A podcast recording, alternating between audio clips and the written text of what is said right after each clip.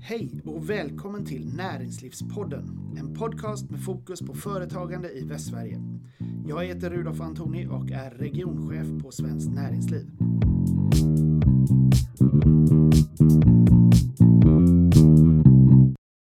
Ja, då sitter jag här med Jörgen Warborn. Välkommen till Näringslivspodden.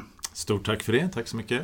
Jag tänkte att eh, du kunde få börja med att berätta lite grann om dig själv och din, din bakgrund. Vem, Ja. vem är Jörgen Warborn? Jag är Europaparlamentariker. Eh, Det har jag varit nu i ungefär ett och ett halvt år. Innan dess så eh, var jag riksdagsledamot. Jag representerade då Moderaterna. Eh, Jag satt framförallt i näringsutskottet men hade också en vända i skatteutskottet och satt med i EU-nämnden under den perioden också. Jag var kommunstyrelsens ordförande Eh, hemma i Varberg där jag bor i Halland eh, innan jag då blev riksdagsledamot. Eh, men politik har jag inte hållit på med hela livet utan i grund och botten är jag entreprenör och har startat och drivit flera olika bolag. Framförallt kanske inom IT-sektorn, den digitala sektorn. Också inom reklam och kommunikation. Så även om jag har nu ägnat, fulltids, ägnat mig åt fulltidspolitik ganska länge så definierar mig nog ganska mycket fortfarande som företagare. Mm. Var, var det företagarfrågorna som ledde in i politiken eller? eh, Mm. Både ja och nej. Eh, För det första, så när jag var student, jag pluggade utomlands och levde i en miljö med människor från flera olika delar av världen. Eh, Då, eh, och detta var början av 90-talet och i den vevan hade vi också folkomröstningen om EU. Då tog jag paus i mina studier och ehm, eh, återvände hem till Sverige och eh, engagerade mig i ja-sidan i folkomröstningen och fick anställning i stiftelsen Ja till Europa. Så Europafrågan i någon mening, mitt samhällsintresse fanns där ganska tidigt. Men sen efter mina studier då som var i Business Administration så eh, gick jag vidare och blev entreprenör som jag sa. Och, men under den perioden så engagerade jag mig också i näringspolitiska frågor. Jag var upprörd över eh, regelkrångel eh, och eh, att man liksom inte ville ha en tillräckligt bra mylla för företagsamhet och risktagande och entreprenörer. Och det irriterar mig fortfarande tyvärr. Jag hade hoppats att jag hade kunnat ändra ännu mer i rätt riktning. Men det är väl ett, ett arbete som aldrig slutar å andra sidan. Nej, så då är den här irritationen är ju en bra, eh, bra bränsle så att Absolut. samtidigt. Ja, och sen blir jag påhejad av eh, några av dina medlemmar och sådär emellanåt också som också eh, känner den där eh, frustrationen. Så, Mm, att, eh, så är det ju. Eh, I din valkampanj till EU-parlamentet så vill jag minnas att det stod det, det behövs en entreprenör i Bryssel. Är det det som behövs? Är det inte, ska man inte vara eh, superbyråkrat för att hantera Bryssel? Hur funkar det att vara entreprenör i Bryssel? Alltså, ska jag säga det själv så tycker jag väl att den här kombinationen jag har av att eh, då ha varit med i egentligen i alla politiska nivåer hemma i Sverige och dessutom nu på europeisk nivå och koppla det med egen erfarenhet av företagsamhet. Den är ju ganska unik skulle jag vilja hävda. Och det är kanske, ja, skulle jag vara superbyråkrat då skulle jag bara vara ytterligare en.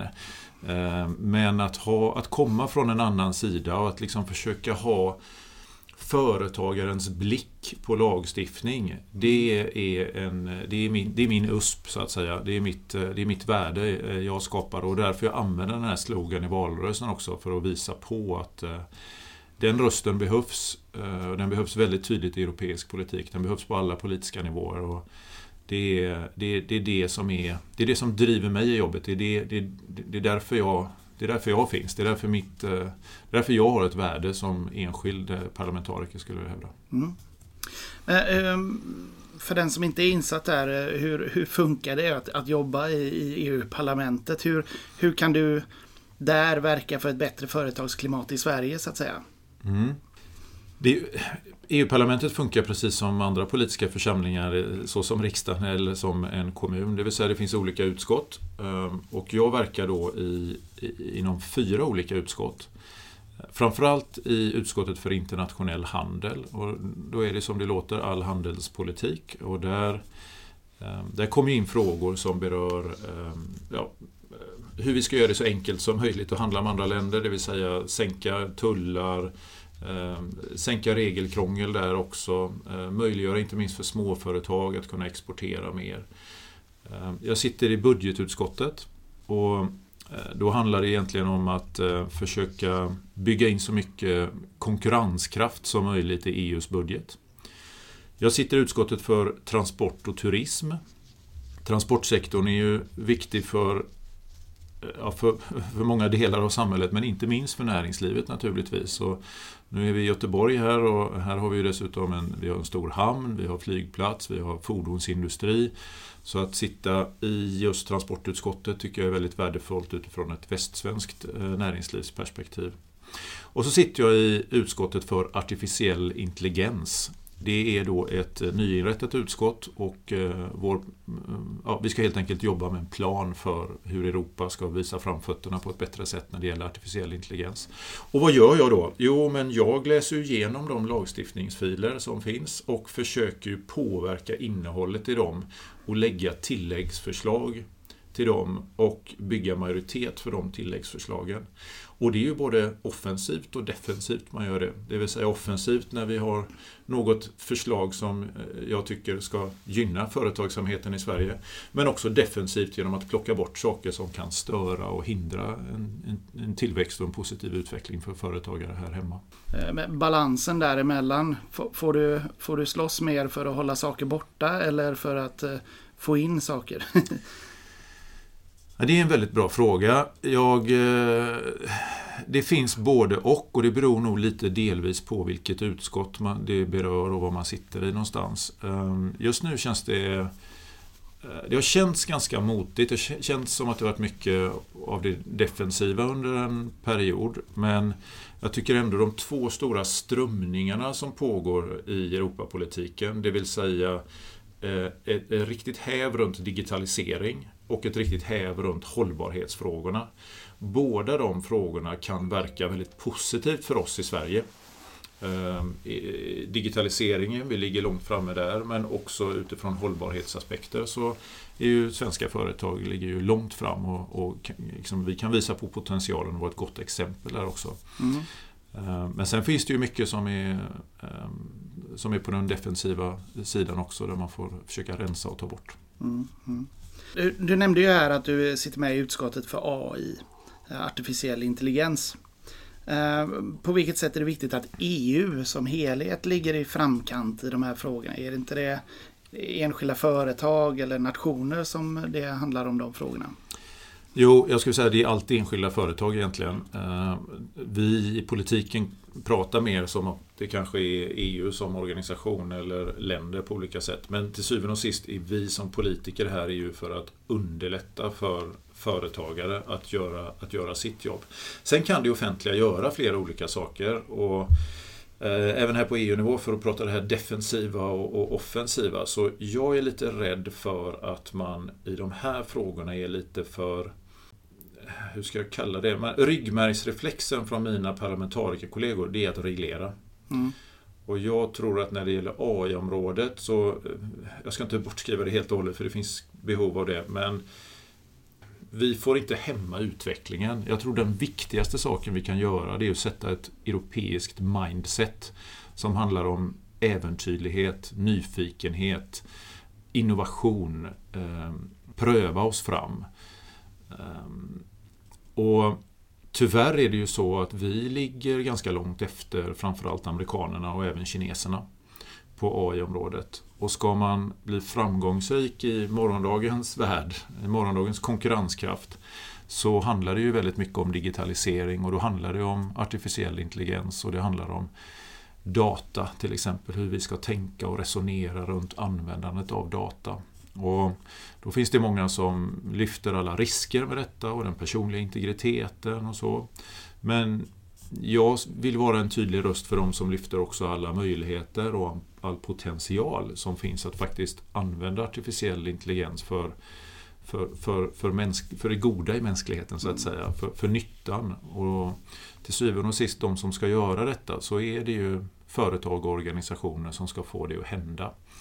Eh, det kan vara inom hälsoområdet eller det kan vara inom autonoma bilar eller det kan vara inom uh, hållbarhetsfrågor på olika sätt. Det kan vara allt möjligt. Alltså artificiell intelligens är jag helt övertygad kommer att spela stor roll i alla delar av, av samhället. Så då, då, handlar det ju egentligen om uh, den andra frågan, regel, att minska regelkrånglet även på det området. Oh ja, ja alltså det tycker jag är att minska regelkrångel och, eh, och eh, bördan, alltså kostnaden det är att följa regler. Det är kanske det är ett huvuduppdrag för, för alla politiker skulle jag säga just nu. För vi... Ja, men ska jag ta ett steg tillbaka och liksom se det mer, eh, inte bara AI nu, utan hela näringslivspolitiken. Så vi, vi mår inte så bra i Europa. Jag är genuint oroad över utvecklingen vad det gäller tillväxt i Europa de senaste 10-15 åren. Jämför det med Kina eller med Indien eller eh, ett antal olika asiatiska stater som växer fantastiskt bra. Ehm, men det gör inte vi i Europa.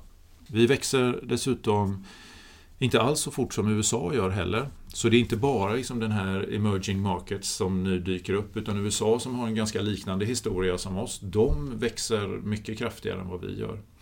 Och ska vi tillåta den utvecklingen att fortsätta som har varit de senaste 15-20 åren, att fortsätta de nästa 15-20 eller kanske 30-50 år, ja då är vi totalt omkörda. Mm.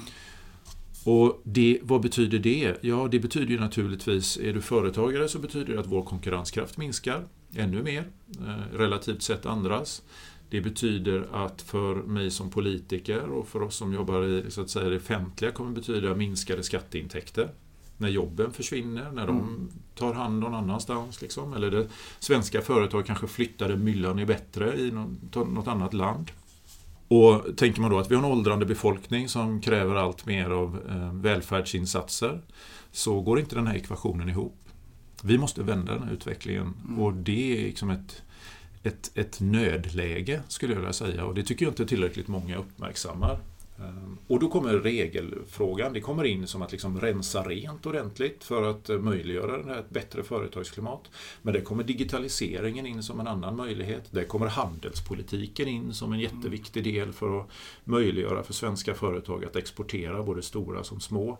Och så vidare. och så vidare. Mm. liksom på brett på flera olika områden måste vi få ordning på vår konkurrenskraft. Mm.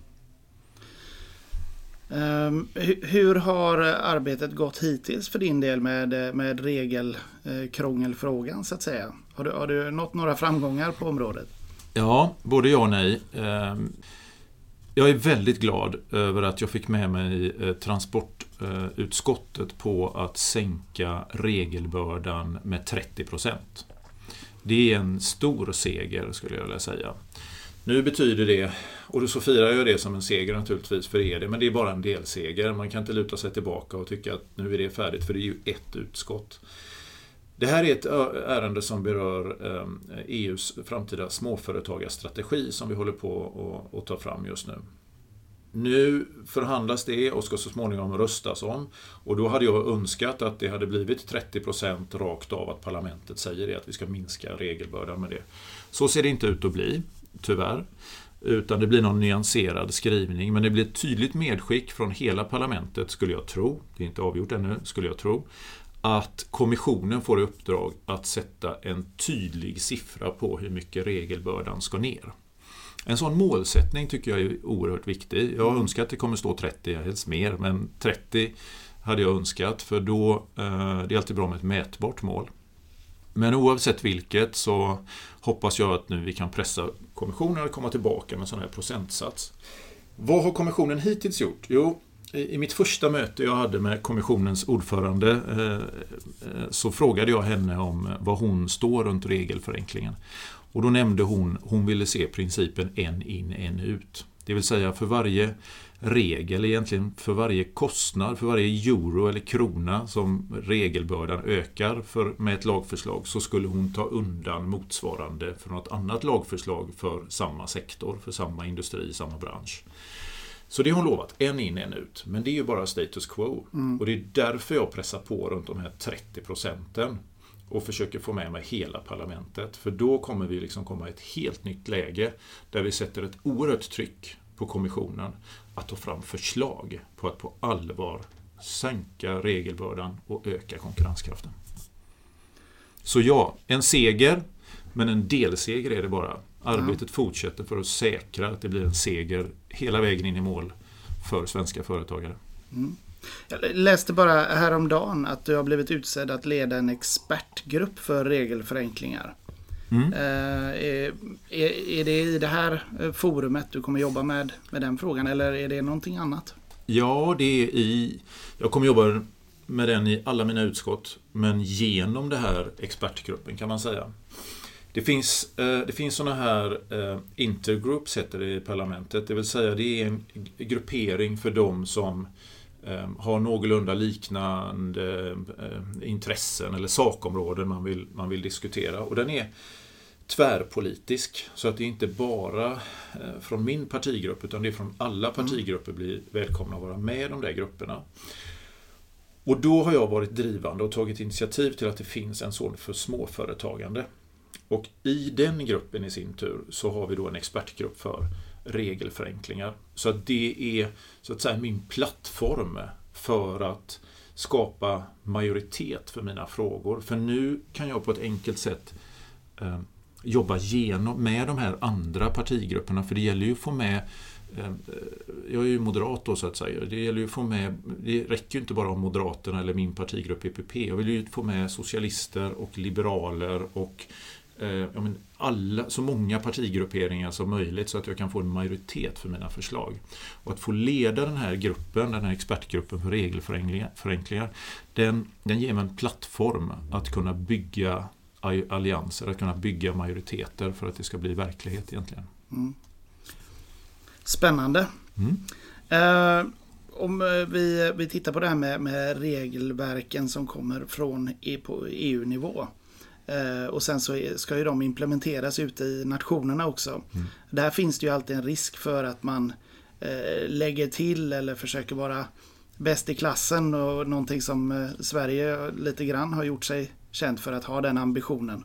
Eh, hur, hur kan vi på, på något sätt eh, komma till rätta med det agerandet och den synen? Jättebra fråga och det finns ju, eh, det finns ju två, två sätt att göra det. Antingen att vi gör det själva eller att vi också sätter, att jag i Europapolitiken sätter ett press på Sverige och de andra länderna som överimplementerar eller goldplater som man ju kallar det här. Va? Om vi börjar i den ändan, så i det här som jag nu driver, som jag sa som en delseger, att, att, att sänka regelbördan med 30% så har vi också skrivningar om att kommissionen så att säga ska ligga på länder för att säkerställa att de inte överimplementerar. För att utifrån ett europeiskt perspektiv, vi värnar ju den inre marknaden. Vi vill ju ha friheter för både varor, tjänster, för människor och kapital att flöda fritt över gränserna. Och Fördelen med att ha det, det är ju att svenska företag får en större marknad. Istället för 10 miljoner människor här hemma så får man en marknad på 450 miljoner människor. Och därför finns det en fördel att vi tar gemensamma beslut på den inre marknaden. Men den dagen de ska implementeras i den svenska lagstiftningen, om då Sverige, som du säger din fråga antyder, och så här gör ju Sverige också, att vi förändrar reglerna och liksom höjer säga, varje, det kanske är för att vi vill ha en lite bättre arbetsmiljö här eller lite bättre ehm, konsumentpåverkan eller lite bättre för miljön eller vad det nu kan tänkas vara. All, alla sådana förändringar ifrån den harmoniserade nivån. Den ett försvårar för vår konkurrenskraft och två, den, den, den förändrar ju den här tanken runt att vi ska ha likadana spelregler på den inre marknaden. Så utifrån ett e-, europeiskt perspektiv är det inte bra på något sätt. Och för svensk del, som sagt, det blir ju svårare att sälja om danskarna inte gör detta. Då mm. konkurrerar mm. vi med dem på andra villkor. Mm. Så att här borde det vara ett intresse för kommissionen som vaktar vårt fördrag och, och, våra direktiv och förordningar att säkerställa att vi just har en inre marknad med fritt flöde för varor, tjänster, människor och kapital. Sen borde ju detta vara ett tydligt intresse för den svenska regeringen och för riksdagen. Och jag drev på även när jag satt i riksdagen runt de här frågorna. Ehm, så här, vi, vi, tycker från Moderaternas sida att när en lagstiftning ska införas som kommer från europeisk nivå så kommer ju en proposition. Till den propositionen ska man göra en konsekvensanalys. Och i den konsekvensanalysen så tycker vi att det alltid ska för, framgå vad är bottenplattan enligt vad EU säger och vad är då den nuvarande regeringen, vad har de lagt till? Och vad blir den ökade regelbördan för det som den svenska regeringen har lagt till? Så att man ser vad kostar detta i jobb, i, i, i ökade administrativa kostnader för företagen. Och sen å andra sidan, vad får man då i form av bättre miljö eller arbetsmiljö eller eh, konsumenttrygghet eller vad det nu kan tänkas vara. Och så, får ju, och så lägger man det på riksdagens bord och så kan riksdagsledamöterna läsa tydligt vad det står här och så får man ta ett mm. beslut efter det. Då. Det är det ena man ska göra, så man, ty man tydliggör det. Det andra eh, man kan göra eh, är ju att eh, göra benchmarks mot andra länder som är våra huvudkonkurrenter. Det vill säga helt enkelt se hur står vår konkurrenskraft i förhållande till andra när man ser till regelverket. Det tycker inte jag vi har koll på idag. Vi känner att vi överimplementerar i Sverige men vi vet inte vad det betyder på aggregerad nivå. Har vi ett väldigt mycket krångligare system eller inte? Det skulle jag vilja ha på svart och vitt. Så det mm. tycker jag är ett intressant uppdrag för någon att ta reda på. Det tycker jag man ska göra från, från, liksom, från eh, regeringens sida eller från myndigheternas sida. Mm. Den eh, internationella handeln är ju ett eh, väldigt ska man säga, rörligt område nu eh, med, med skiftande presidenter i USA och det läget som har uppstått med, med ökade tullar och, och den inställningen som varit därifrån. En osäkerhet framåt där nu. Brexit har vi också. Vad, vad skulle du säga är de viktigaste handelsavtalen som förhandlas nu? Eh, ja, vi har Eh, Eh, dels bara ett kvitto på det du säger. Det har ju varit ett, en väldigt rörig period i handelspolitiken. Och det, ibland så säger man att det har med Trump att göra, och med den administrationen att göra. Och det är delvis sant skulle jag säga. Men det skulle kanske, jag skulle hävda att det beror ännu mer på hur Kina har agerat och hur man kanske i någon mening inte har agerat mot Kina. För de eh, skickar skickar in kraftiga statsstöd i sina bolag. Eh, bolagen eh, gör våld på immaterialrätten, stjäl patent eller ja, hittar på olika... De, de dopar sin marknad helt enkelt och spelar fulspel på den internationella marknaden. Och så kan de ju inte få fortgå. Så det är väl den första grejen. Ehm, så det är i någon mening bra att Trump satte hårt mot hårt. Men det har skapat väldigt mycket turbulens naturligtvis i, för handelspolitiken. Eh, de avtalen som är viktiga i nutid så är det naturligtvis Brexit. Nu är det ju, vi vet ju inte när de som, du som lyssnar på detta, jag vet inte när du lyssnar på detta, men när vi spelar in detta så har vi egentligen ingen aning. Det står och väger egentligen vad som händer med Brexit. Blir det en hård Brexit eller kommer man överens eller inte? Det är ju det allra viktigaste skulle jag hävda utifrån svenska intressen eftersom det är en sådan viktig handelspartner för oss. Mm. Sen skulle jag vilja peka på Mercosur-avtalet, det vill säga avtalet med, eh, med ett antal sydamerikanska eh, länder, Brasilien, eh, Argentina, Uruguay och Paraguay. Det är färdigförhandlat och klart och ska ratificeras. Och jag tillhör de som tycker att det bör ratificeras, det ska ratificeras. Men det finns ju en, en, en motsättning i detta från politiska grupper i parlamentet men också från vissa medlemsländer. Och då hävdar man ju att det är problematiskt utifrån Amazonas, det är problematiskt utifrån klimatperspektiv och så. Och jag skulle vilja hävda precis tvärtom. Det är genom att ratificera det avtalet som vi liksom eh, kan, kan föra dialog med president Bolsonaro i Brasilien och, mm. och de andra. Det är ju liksom då vi får möjlighet att fortsätta förhandla med dem. Så att det, det, det är Traditionella inställningen, ska vi vara med i EU och vara med och påverka eller ska vi välja att ställa oss utanför och inte ha något inflytande? Det är egentligen samma resonemang där. Det är samma resonemang där. Mm. Um, det, ja men så är det verkligen. Mm. Ja, så att det finns ett antal olika intressanta handelsavtal um, kan man väl säga. Det är ett och sen tror jag ändå, nu håller vi ju inte på att förhandla något större avtal med USA just nu, men det är alltså att hitta ett annat sätt att ha relationer med USA än vi har haft den närmsta tiden. Vi har just nu nyligen infört tullar mot USA. Tyckte jag var ett mycket märkligt grepp av EU som jag är kritisk till att den svenska regeringen godkände. Det vill säga dagar efter det amerikanska valet när man vet att Biden egentligen blev blev vald eh, så väljer man att införa tullar. Jag tycker vi nu ska förändra vår relation med amerikanerna, kroka arm med dem och ta oss an eh, snarare Kina på den globala marknaden eh, och hitta, hitta, hitta nya sätt att återgå till ett regelbaserat, en regelbaserad världshandel som, som i, i grund och botten gynnar Sverige istället för att hålla på med den här störst går först mentaliteten eller vilda västern situationen som vi haft ett tag. Mm, mm. Eh, det är stora frågor. Eh, jag tänkte avsluta med att ställa en ännu, ännu större fråga till dig kanske. Eh, och det är vilka i din mening är de viktigaste frågorna framöver som avgörs på EU-nivå? Som kan komma påverka förutsättningarna att driva företag i Sverige. Mm. Det är inte lätt att sammanfatta kanske men får jag ett försök ändå. Det går ju inte att göra en... Det går ju inte att så här, jag måste nog ändå svara eh, vår framtida relation med Storbritannien där. För blir det inget avtal med britterna nu så kommer det bli väldigt knölig situation. Blir det ett avtal så blir det något bättre men det kommer ju bli lite knöligt ändå. Mm. Även om vi kommer överens med dem så är jag övertygad om att vi kommer att behöva hitta eh, flera tillfällen över lång tidperiod eh, att, att fortsätta förhandla med dem om olika saker. För vi nu har vi förhandlat med dem i kanske 8-9 månader och normalt sett ett frihandelsavtal tar kanske 8-9 år att förhandla. Mm.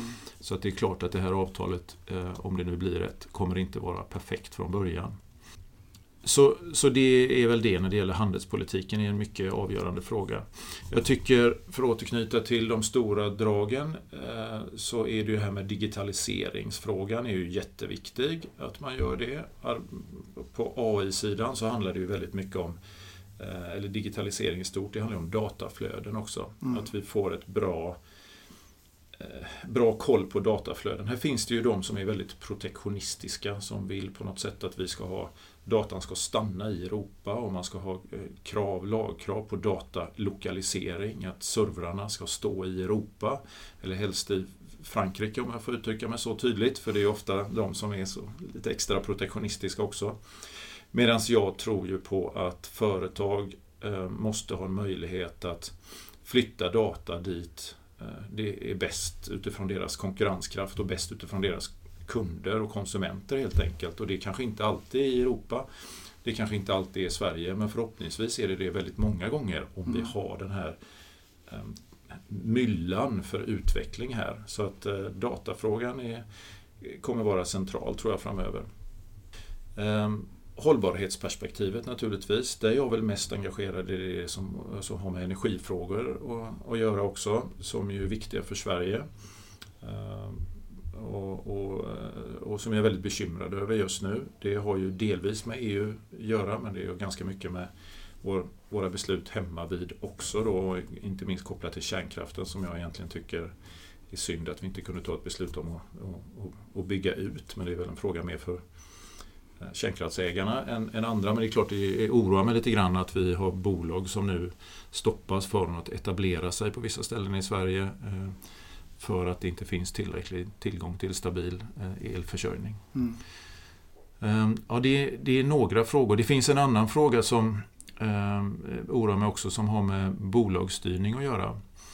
Ehm, det vill säga att det finns krav på att man från europeiska bolag inte bara ska titta på... Man ska, man ska ta in alla stakeholders, som man säger, alla intressenter Eh, när, bo, när, när, när, när, styrelsen ska göra sina bedömningar runt bolaget, det vill säga inte aktieägarna enbart. Då.